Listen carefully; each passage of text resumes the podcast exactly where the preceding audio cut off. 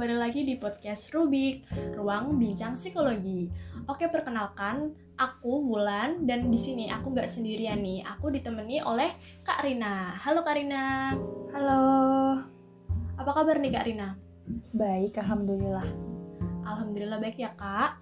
Jadi di sini kami berdua akan berbincang-bincang tentang tema yang sama dengan episode sebelumnya yaitu tentang toxic relationship. Jadi di podcast sebelumnya nih kita udah bahas uh, oleh Kak Riri dan Kak Melinda tentang apa itu toxic relationship, apa itu pacar, dan apa itu kekerasan. Bahkan ada juga bentuk-bentuk dan ciri-ciri dari toxic relationship. Nah, di podcast yang sebelumnya juga sudah dijelaskan seberapa banyak kasus toxic relationship dan kekerasan dalam berpacaran di Indonesia. Untuk teman-teman yang belum mendengarkan podcast sebelumnya, mungkin teman-teman bisa mendengarkan podcast yang sebelumnya terlebih dahulu nih agar nyambung dengan apa yang kita bahas sekarang gitu ya Kak Ulan ya. Betul banget Kak. Nah terus di podcast kali ini kita akan membahas apa sih Kak Ulan? Nah di podcast kali ini nih kita akan membahas tentang gimana sih caranya keluar dari toxic relationship itu sendiri. Untuk teman-teman yang merasa sedang berada di fase toxic relationship dan ingin keluar dari fase tersebut, mungkin tips-tips yang akan dibincangkan dalam obrolan kami ini akan dapat membantu nih teman-teman untuk menemukan cara yang tepat. Oh iya nih, uh, barangkali ada teman-teman yang uh, selesai mendengarkan podcast yang sebelumnya tentang toxic relationship dalam pacaran, bahkan di sana juga tadi disebutin tentang ciri-ciri dan bentuk-bentuknya jadi ada yang sadar nih oh ternyata aku selama ini pacarannya tuh toksik banget nih. Dan oke okay, aku harus keluar dari hubungan itu. Nah di sini nih kalian bisa mendapatkan sedikit tips-tips atau mungkin banyak tips untuk kalian bisa keluar tuh dari toxic relationship dalam perpacar dalam berpacaran. Oke kita langsung aja kali ya untuk sharing tentang apa aja sih uh, cara keluar dari toxic relationship Silakan Kak Ulan. Oke, langsung aja nih ya kita jabarin nih salah satu dari atau beberapa cara dari keluar dari toxic relationship yaitu yang pertama ada komunikasikan tentang permasalahan dalam hubungan. Di sini komunikasi itu pasti penting banget ya dalam sebuah hubungan karena kalau nggak ada komunikasi ini pasti nggak ada saling kepercaya gitu dari pasangan satu dengan pasangannya kayak gitu kan. Nah di sini caranya komunikasikan ya seperti kita menceritakan apa yang kita rasakan kepada pasangan. Agar pasangan ini tuh ngerti gitu apa yang kita rasakan kayak gitu. Jadi bisa saling saling sharing. Yang satunya kayak gimana nih kak? Nah yang kedua yaitu pikirkan apa yang harus dilakukan selanjutnya.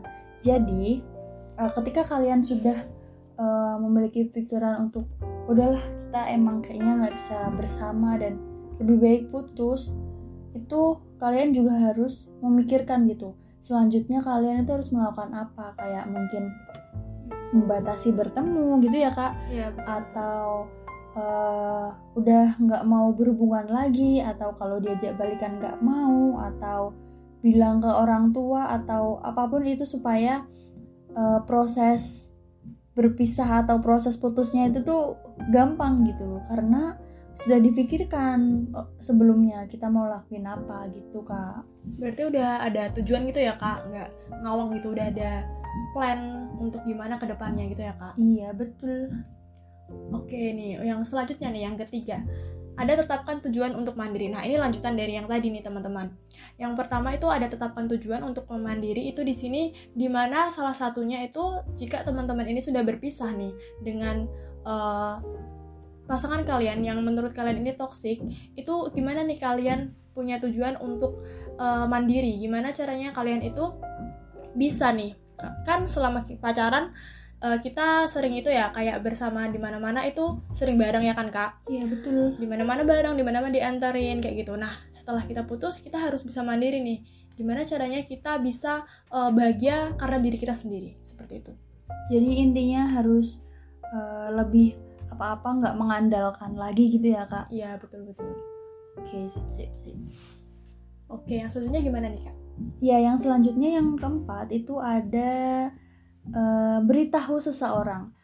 Jadi di sini entah seseorang itu teman atau keluarga atau mungkin saudara intinya tuh kalian harus memberitahu paling tidak salah satu. Jadi kalian tuh ada teman bercerita gitu nggak dipendam sendiri. Jadi uh, beban yang kamu rasain itu lebih ringan gitu. Jadi kalian harus mengkomunikasikan dengan orang lain. Seperti ya, itu. betul banget. Berarti dukungan dan komunikasi dengan orang lain tuh penting ya kak? Penting karena itu juga biar orang juga mendukung gitu apa uh, apa yang kita alami jadi kita juga mungkin dari kita bercerita dengan orang lain itu kita bisa mendapatkan tips atau pendapat-pendapat yang akhirnya membuka pikiran kita seperti itu kak oh iya iya benar banget benar banget Oke, yang selanjutnya ada luangkan waktu untuk diri sendiri. Nah, selama proses kita keluar nih dari toxic relationship, kita juga butuh waktu nih untuk meluangkan uh, waktu untuk sendiri kayak gitu. Contohnya itu kita bisa melakukan me time, uh, banyak merenung atau banyak me mencari tujuan nih untuk ke depannya kayak gimana. Seperti balik lagi pada cara-cara sebelumnya kayak gitu. Di mana di dalam uh, luangkan waktu untuk sendiri ini kita bisa banyak memberikan uh, dukungan juga untuk diri kita sendiri dan meyakinkan diri kita untuk bisa nih keluar dari uh, toxic ini hubungan yang toxic seperti itu. Berarti lebih ke self love gitu kak? Iya kayak mencintai diri sendiri gitu. Mm -hmm, betul betul sekali kak Ulan terus ada lagi nih kak cara yang keenam apa tuh kak? Apa tuh kak? Nah, jadi ada lagi nih Kak, cara yang keenam yaitu mencari bantuan profesional. Ketika teman-teman uh, sudah merasa hubungan kok toksik banget dalam pacaran itu kok sudah toksik banget sudah sangat merugikan atau mungkin sudah memiliki trauma-trauma atau mungkin sudah merasakan dampak psikologisnya kalian bisa mencari bantuan profesional seperti psikolog-psikolog atau uh, ada tuh yang namanya dinas perlindungan perempuan dan anak gitu ya kak. Iya betul itu kak ada. Tuh jadi uh, jangan takut untuk menghubungi bantu menghubungi jadi jangan jadi jangan takut untuk meminta bantuan dari psikolog seperti itu ya kak. Ya jangan jangan takut untuk mencari bantuan dari profesional seperti psikolog tadi atau mungkin dinas perlindungan anak dan perempuan seperti itu apalagi seperti yang disebutkan pada podcast episode sebelumnya bahwa perempuan ini lebih banyak menjadi korban toxic relationship seperti itu. Jadi kalian bisa menghubungi pihak-pihak yang berwenang atau profesional agar agar kalian bisa keluar dari hubungan toxic relationship seperti itu.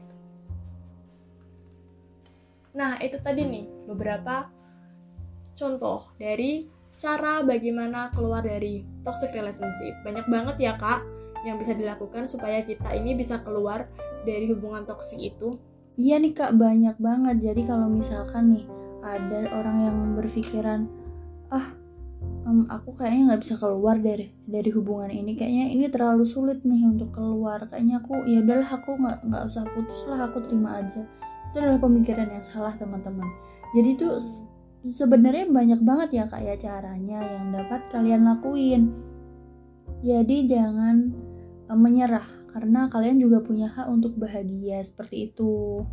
Betul banget. Nah, setelah tadi kita udah bahas nih mengenai bagaimana cara keluar dan ternyata banyak banget caranya yang bisa kita lakukan nih. Seperti tadi Kak Rina juga udah menjelaskan nih, kayaknya nih Kak Rina udah ada pengalaman nih ya. Ada pengalaman gak nih Kak? Ya itu nanti mungkin bisa diceritakan nanti ya. Nanti akan oke okay, nanti akan saya akan bercerita sedikit deh buat sharing-sharing. Oke, wah, sip sip sip. Oke nih, tadi kita udah bahas nih apa itu toxic relationship. Nah, ini nih, ternyata di sini ada seseorang yang pernah mengalami toxic relationship dan sudah berhasil keluar dari toxic relationship itu. Gak usah jauh-jauh nih, ternyata orangnya yaitu Kak Rina tadi ya sudah menjelaskan dan Kak Rina nih sepertinya sudah berpengalaman tentang uh, hubungan yang toxic seperti itu ya Kak. Oke, mungkin karena bisa diceritakan tentang pengalamannya supaya mungkin ini bisa memberikan manfaat atau diambil hikmahnya nih buat teman-teman yang mendengarkan podcast ini. Jadi sebenarnya apa sih kak toxic relationship itu dan bagaimana nih kakak pernah mengalami itu? silakan nih kak Rina kalau mau sharing. Ya jadi tuh bener banget kak. Aku tuh pernah ngalamin yang namanya toxic relationship dalam berpacaran. Tapi tuh bukan toxic relationship yang uh, mukul, nendang gitu tuh enggak. Kalau itu kan berarti ke fisik ya kak. Kalau aku nih lebih uh, lebih lebih ke apa ya emosional sama verbal sih. Iya karena uh, seperti yang udah dijelasin di podcast sebelumnya ya sama Kak Riri itu banyak banget bentuk-bentuk toksik nggak harus nggak harus mukul kan. Ketika kamu dikata-katain uh, dimarah-marahin di depan umum itu kan sudah termasuk toxic relationship emosional kan. Ya jadi aku tuh ngalamin itu dalam uh, dulu aku dalam berpacaran di yang sebelumnya gitu. Oh gitu ya kak. Kira-kira tuh seberapa parah kak hubungan toksiknya itu? Hmm, kayak dulu tuh pas pacaran dulu sama si aduh aku takut sebut namanya. Kita samarin aja kali ya kak namanya si apa ya nama samarannya apa nih kak ya? Apa kak? Terserah kakak.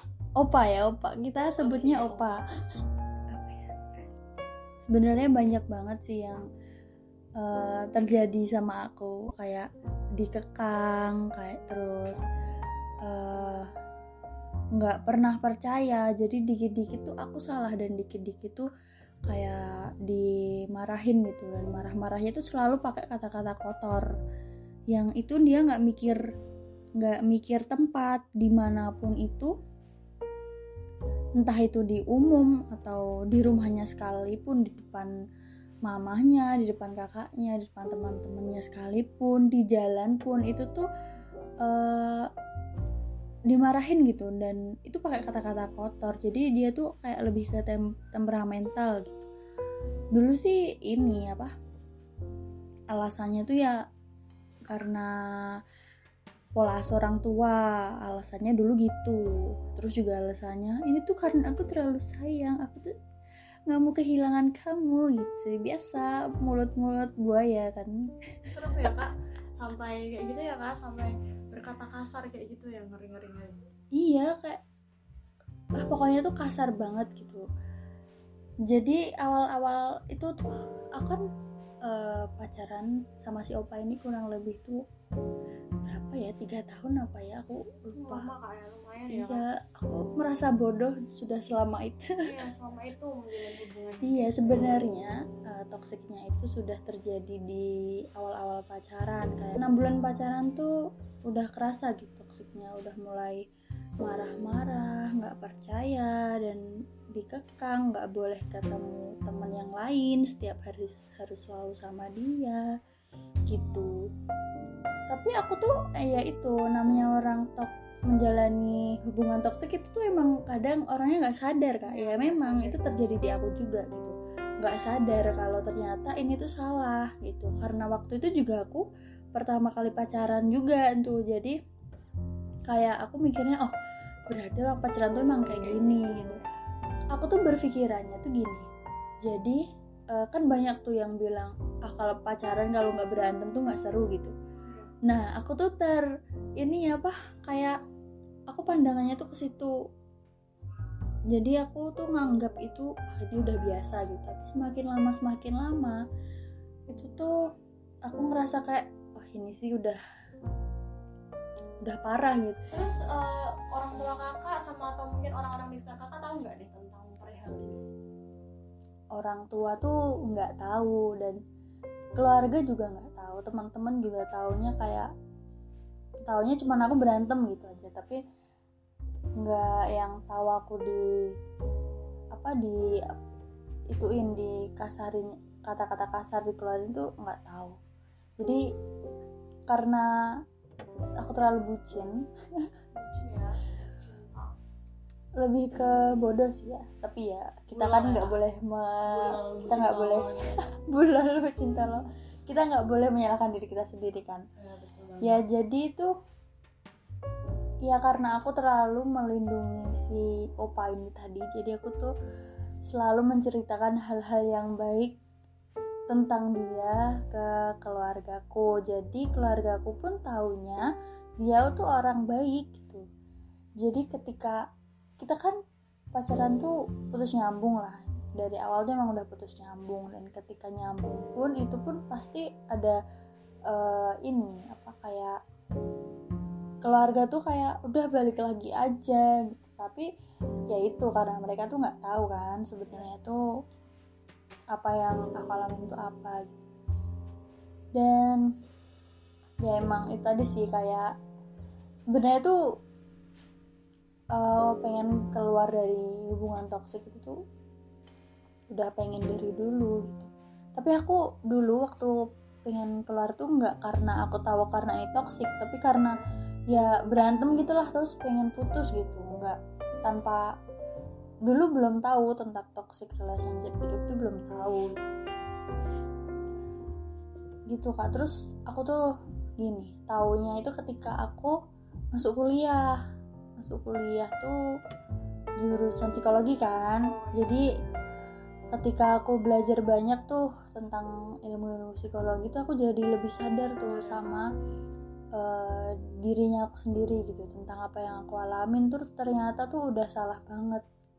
Ternyata karena aku tuh sebelumnya nggak sadar kan. Setelah aku masuk psikologi aku sadar bahwa oh ternyata dari toxic ini tuh ternyata udah ini apa udah mempengaruhi ke psikologis gitu iya udah ngaruh ke psikis. Jadi dikit-dikit dikit-dikit sakit. Kalau itu kan tiap hari berantem ya kak. Jadi hampir tiap hari itu nangis.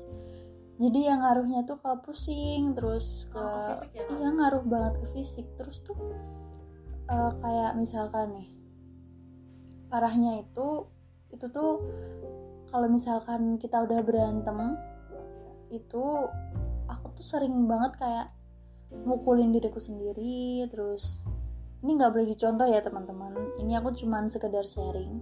Jadi dulu tuh ketika si opain itu uh, pokoknya ketika kita lagi marah marahan itu tuh kita bukan kita sih aku tuh kayak uh, ngeluapin emosinya aku karena karena aku sama dia udah otomatis menang dia jadi aku tuh nggak bisa meluapkan apa yang aku rasain gitu. Karena ketika aku ngeluapkan ya tambah parah lagi gitu kan. Akhirnya aku tuh ngeluapinnya dengan mungkin mukulin mukulin kepala atau mungkin apa benturin kepala aku sendiri ke kepala. Itu sering banget kejadian dan sampai kayak gitu kak. Jadi apa ya kayak self harm gitu ya? Iya lebih self harm iya self harm gitu menyakiti diri sendiri gitu. Jadi itu kadang juga aku ngelakuin itu buat dia berhenti buat ini apa? Olah gitu ya. Iya berhenti biar dia tuh berhenti nyudutin aku tuh. Iya, iya. jadi kan dia tuh selalu marah dikit-dikit marah. Dan kalau marah pun mem, itu kayak banting apa pun itu yang ada di sekitarnya. Apalagi sempat waktu itu di ini apa di rumahnya ada mamahnya ada kakaknya juga. Dia tuh marah-marah. Ya mungkin menurutku sih sepele ya. Cuman kayak nggak diambilin minum. Itu kan dia bisa ngambil sendiri kan? Iya iya iya iya. Tapi tuh dia marahnya tuh se sebegitunya gitu sampai kamu bodoh bla bla bla bla gitu. Kalau ya tapi dalam bahasa Jawa gitu ya. Iya. yang ah, itu tuh sampai kayak ya, kasar banget dan jadi ke lebih sekarang tuh lebih ke trauma gitu. Ngaruh banget kayak takut banget buat uh, jalanin hubungan dulu setelah putus tuh kayak takut gitu. Mau mau deket sama orang lagi tuh takut kayak ah nanti gini lagi ah gini lagi. Iya, jadi emang itu tadi aku setelah putus lebih ke self love gitu jadi aku melakukan apa yang aku sukai dan aku menyembuhkan diriku dulu gitu. Oh gitu. Berarti lebih ke itu ya kak. Lebih member, ruang memberikan waktu luang untuk diri sendiri juga ya kak ya? Iya aku mikirin diriku dulu gitu sebelum aku apa ya kayak kalau kita pacaran kan berarti pikirannya kan terbelah tuh. Kayak kita harus mikirin orang lain juga. Jadi lebih ke ya aku aku mau sendiri dulu aja gitu sampai bener-bener baru baru bisa menerima orang lain lagi. Itu ya parahnya tuh emang bener-bener sampai trauma gitu kak. Nah jadi ternyata dalam toxic relationshipnya itu tuh e, bisa ngaruh ke psikologis bisa ngaruh ke psikis bisa bikin trauma gitu bahkan fisik juga tadi ya, iya. Iya walaupun walaupun dianya walaupun si opanya ini nggak melakukan kekerasan fisik ya tapi ya ternyata dari relationship itu bisa ngaruh ke fisik yaitu sakit. Itu karena terlalu pikiran asam lambung naik gitu gitu lah pokoknya. Sampai sekarang pun kak aku tuh kayak apa ya kurang dalam kayak bergaul sama lawan jenis tuh jadi susah. Apalagi dulu tuh aku tuh kan SMK ya. Jadi tuh teman-temannya tuh cowok semua. Banyak ceweknya tuh ada tapi dikit. Otomatis mau nggak mau aku harus sekolah sama cowok kan. Iya. dan dia dia tuh satu sekolah sama aku. Jadi apa ya? Membatasi. kayak iya membat bukan membatasi lagi bener-bener kayak di kerangkeng gitu. Aku tuh kayak nggak bisa keluar dari situ tuh nggak bisa gitu. Mau ketemu sama teman juga nggak bisa mau main sama teman juga nggak bisa gitu. Bahkan ketika aku lagi ada acara keluarga pun tuh nggak bisa karena aku harus mikirin dia gitu. Aku harus sama dia terus nggak boleh pergi nggak boleh. Ya intinya aku merasa terkekang gitu. Terus yang paling aku bikin aku trauma tuh ketika aku disudutin tadi ketika aku dimarahin terus akhirnya aku jadi kayak nyakitin diriku sendiri. Itu yang bikin aku trauma gitu takut banget kalau misalkan keulang lagi gitu. Aku sampai sekarang tuh aku jadi kayak gimana ya jadi kayak kadang ada pikiran lagi ketika aku lagi ngerasa marah gitu tuh rasanya pengen lagi gitu. Tapi ya sebisa mungkin aku mengkontrol dan alhamdulillah udah Udah sekarang apa? ya udah enggak dan ya udah sangat amat membaik gitu. Kak alhamdulillah. Itu gimana kak nih prosesnya cara keluar gitu yang paling penting yang caranya kakak tuh. iya kalau hingga akhirnya aku ada di titik ini ya. Iya betul. Eh, cara keluarnya tuh nggak gampang. Karena ya aku emang udah lama gitu pacarannya kan. Tiga tahun tuh lama banget. Aku juga ah, kok bisa selama itu sama orang se setoksik itu gitu. Kan kurang edukasi juga kali ya kak. Iya. psikologi baru dapat edukasi. Iya telat. Aku tahunya tuh telat terus ini apa aku tuh caranya tuh yang pertama dulu tuh eh, lebih ke apa ya kayak aku berusaha untuk menghindar sih. Karena ya itu tadi kayak ah aku udah aku sadar dulu tuh sadar dulu kalau "Eh, ini udah nggak bisa nih diterusin gitu kan. Terus akhirnya aku cari-cari cara tuh buat nggak ketemu kayak misal aku alasan ada acara apa apa sama temen apa gitu. Pokoknya aku tuh karena waktu dulu tuh SMK ya eh, satu satu sekolah sama dia jadi itu kayak aku nggak bisa cari alasan karena semua aktivitas di sekolah tuh dia tahu gitu. Aku mulai bisa menghindar tuh waktu masuk kuliah. Jadi kan ketika kuliah itu kan banyak aktivitas kan kayak tugas-tugas tuh makin banyak. Jadi di situ aku bisa ini apa ambil kesempatan untuk menghindar gitu. Kayak ya sebenarnya tuh salahku tuh nggak apa ya nggak mengkomunikasikan tentang kesalahannya gitu. Aku fine fine aja kayak ya terima terima aja gitu di di matanya tuh aku kayak terima terima aja di, jadi aku nggak mengkomunikasikan gitu salahnya di mana dan harus diperbaiki atau enggak tuh aku nggak ngomong. Itu. Jadi yang pertama itu tuh kak kayak aku cari cara biar nggak ketemu gitu lah. Iya betul. Terus eh, aku juga ini eh, apa?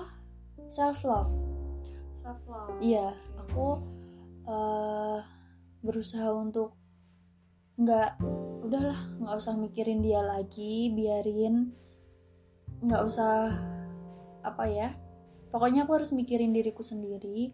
Apa yang aku suka lakuin walaupun itu harus berbohong sama si dia ini aku nggak nggak nggak peduli. Karena aku juga udah nggak peduli lagi kan udah nggak mau terusin gitu. Jadi aku harus lebih ke mencintai diriku sendiri gitu. Aku maunya apa ya udah. Yang bikin aku seneng ya aku lakuin gitu.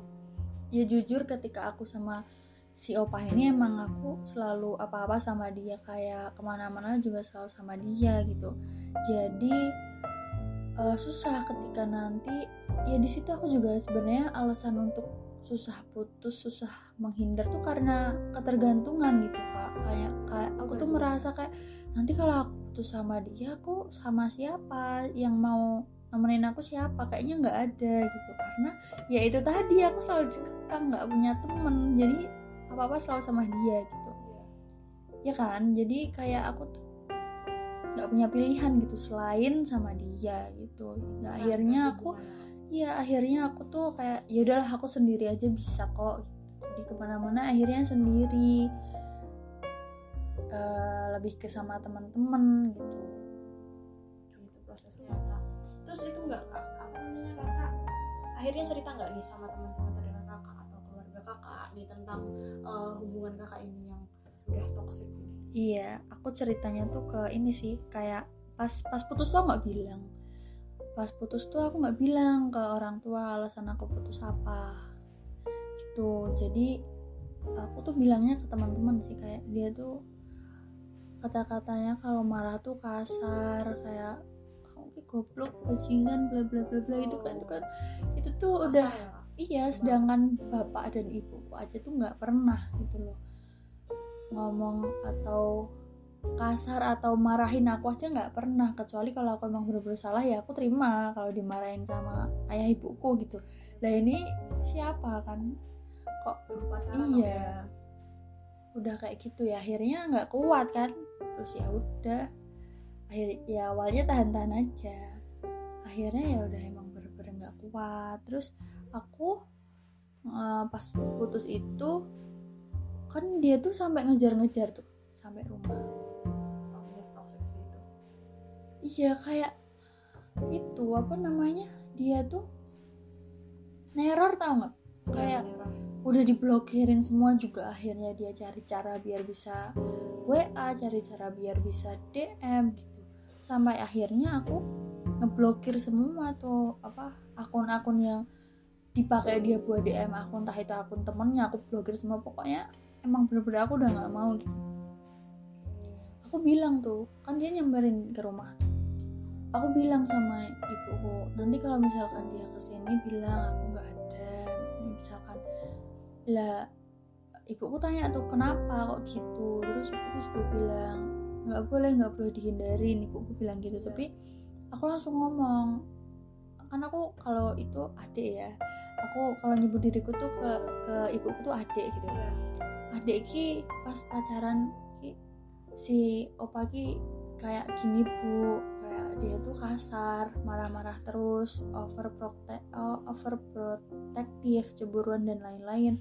Jadi tuh udah nggak kuat adik udah nggak kuat. Jadi emang tolong gitu tolong ini yang tolong bantu aku buat jauh gitu sama dia. Jadi kalau misalkan ke sini tolong bu jangan ditanggepin jangan di ini jangan di respon. gitu. Tapi salahnya aku di sini aku nggak nyari bantuan ke profesional kan berarti itu ya udah cerita juga ya sama keluarga dan teman-teman. Akhirnya bisa cerita dan bisa diberi tips bisa dibantu untuk keluar dari hubungan itu ya kak? Iya jadi tuh pokoknya uh, ketika kalian udah ngerasa hubungan itu toksik uh, udah bikin kalian tuh nggak nyaman udah bikin kalian tuh ngerasa kayak gak dihargain lah ya kayak pokoknya ketika itu sudah merugikan kalian teman-teman semua itu udah nggak usah diperpanjang lagi tuh. Karena dulu tuh dulu tuh masih kurang banget kak informasi tentang toxic relationship. Nah sekarang tuh kan udah banyak banget tuh informasi di mana-mana tentang toxic relationship. Jadi mungkin teman-teman ini ya bisa lebih aware lagi dengan hubungan kalian. Coba dilihat hubungan kalian toxic enggak. Kalau emang ada tuh ciri-cirinya di toks- di hubungan kalian, salah satu aja udah deh udah nggak usah diperpanjang lagi intinya udah kalau bisa tuh segera lari gitu sebelum semakin lama karena ya itu tadi proses lepasnya itu benar-benar berat dan susah ketika kalian udah merasa toksik itu kan kayak aduh aku sayang banget nih sama dia aku nggak bisa lepas gitu Iya. kan jadi pasti tuh kayak akhirnya memaafkan gampang banget gitu buat memaafkan dia. Kayak aku minta maaf aku nggak bakal ulangin lagi gini-gini. Itu pasti nanti gampang percaya banget udahlah jadi jangan diperpanjang. Karena aku tahu kalian pasti bakal luluh kalau pasangan kalian tuh udah bilang maaf nggak aku nggak akan ulangin lagi. Kalian tuh pasti akan luluh. Karena ya tadi dalam toxic relationship itu eh, apa ya kayak udah saling ter ketergantungan gitu ya kak. Iya. kayak nggak punya siapa-siapa lagi gitu. Akhirnya balik lagi ke ke dia ke dia ke dia gitu. Jadi nggak bisa lepas. Ya berarti sebelum nggak bisa lepas itu harus segera ya kak. Segera mencari cara untuk membatasi hubungan tersebut dan bisa keluar dari hubungan toxic relationship ya kak. Iya kak. Betul. Jadi nggak nggak usah diperpanjang lagi. Cepet-cepet keluar Betul. gitu. Ah ya itulah yang apa ya sedikit cerita dari aku yang ah, iya. membuat aku tuh menggebu-gebu nih jadi kesel lagi nih jadi keinget lagi tapi nggak apa-apa itu buat sharing aja buat buat uh, berbagi pengalaman biar kalian semua yang mengalami itu semoga bisa cepat uh, ini apa cepat keluar semoga kalian yang berusaha untuk keluar dari toxic relationship bisa cepat-cepat keluar gitu ya, yang selama ini belum sadar ya bisa sadar ya dengan cerita ini. Oh ternyata Iya. aku juga pernah mengalami apa yang dialami oleh Kak Rina nih ya. jadi sadarlah wahai kalian sadarlah ya teman-teman. sadarlah kalian itu sedang berada di toxic relationship gitu sadarlah Oke, gitu aja Kak. Atau mau cerita lagi hmm, kayaknya udah deh ya Kayak aku nanti kalau cerita semakin banyak ini semakin emosional Oh, iya, semakin nanti emosi semakin- saya semakin kesel nih saya ya Kak. Wah itu tadi dia cerita dari Kak Rina nih eh, cukup banyak ya dan cukup membuat kita kayak bergeleng-geleng kepala ya. Dan itu dapat disimpulkan bahwa Kak Rina ini mengalami toxic relationship dalam bentuk verbal ya Kak. Seperti dikata-katai di depan Iya, umum, dan bahkan di depan keluarganya, emosional juga. Kemudian juga tadi Kak Rina sudah mengatasi eh, permasalahan tersebut dengan cara keluar dari hubungan toksik itu dengan cara yang pertama dengan menetapkan tujuan dan Kak berusaha untuk mandiri tidak bergantung nih pada eh, pacarnya itu mantan pacarnya Kak Rina. Kemudian opa itu tadi. Kemudian juga Kak Rina juga memberitahu seseorang kayak mulai cerita dengan teman-teman mulai cerita dengan keluarga itu dan meluangkan waktu juga untuk self love ya kak untuk lebih mencintai diri sendiri lebih dapat eh, tidak tergantung dengan orang lain terutama dengan eh, pacarnya tadi. Gitu. Terus Betul banget. eh, apa lagi ya kak nih? Oke kayak gitu ya kurang lebih dari kurang lebih seperti itulah yang bisa ceritanya kak Rina. diambil caranya tuh gimana. Oh iya kak. Ada Apa lagi tuh yang paling bisa bikin aku lupa itu adalah dengan cara memaafkan kak. Jadi ya itu iya, tadi benar. karena ketika kita marah-marah tuh akan selalu teringat gitu kayak sekarang nih aku teringat lagi karena aku menggebu-gebu terlalu emosional. Terlalu marah sekarang karena aku ingat jadi ingat lagi gitu. Iya. tapi ketika kita bisa memaafkan itu kita kan udah nggak mikirin lagi tuh. Kita udah ikhlas ya udahlah itu bagian dari masa lalu ya udahlah gitu kan. Itu tuh jadi kayak lupa kak. Jadi nggak kepikiran terus jadi memaafkan orang itu dan memaafkan diri kakak sendiri Iya, ya. maafkan diri sendiri dan memaafkan orang itu. Kita harus jadi orang yang lebih baik dan uh, kita juga pantas mendapat yang lebih baik. Oke bener Gitu. banget. Bener bener bener bener. Jadi intinya harus ber apa namanya harus memaafkan diri sendiri dan memaafkan orang lain juga dengan berdamai dengan diri sendiri ya kak terus juga memperluas edukasi ya kak karena Hmm, sekarang juga betul. udah banyak ya informasi tentang toxic Iya. relationship salah satunya ya podcast ini Iya. dan lain-lain yang ada di uh, luar sana jadi teman-teman bisa banyak lebih banyak lagi aware membuka awarenessnya tentang toxic relationship seperti itu ya kak oke kak terima kasih kak Rina udah mau sharing-sharing tentang uh, pengalamannya nih keluar dari toxic relationship. Kasih banget kak. Nah iya eh, itulah deh. Jadi eh, sedikit cerita dari aku semoga bermanfaat buat kalian. Buat teman-teman semua eh, mungkin bisa diambil baiknya dan dibuang buruknya walaupun kayaknya banyak buruknya ya kayak nyakitin diri sendiri itu kan nggak baik ya kak. Jadi jangan dicontoh. Pokoknya jangan dicontoh yang jelek-jelek ambil yang gitu Oke, itu tadi merupakan beberapa tips cara keluar dari toxic relationship dan ada juga sharing dari Kak Rina tentang toxic relationship yang dialami Kak Rina. Terima kasih. Oke, untuk selanjutnya gimana Kak? Ya intinya itu jangan lupa pantau terus nih akun podcast Rubik Ruang Bincang Psikologi agar teman-teman nggak ketinggalan tuh info-info menarik di episode selanjutnya bersama dengan kakak-kakak yang cantik-cantik dan ganteng-ganteng yang lainnya. Walaupun di sini cuma kedengar suaranya, tapi percayalah kami cantik-cantik dan ganteng-ganteng. Seperti itu ya Kak Ulan ya. Iya. Oke, mm, sekian dan sampai, Sampai jumpa, di podcast, Rubik episode selanjutnya.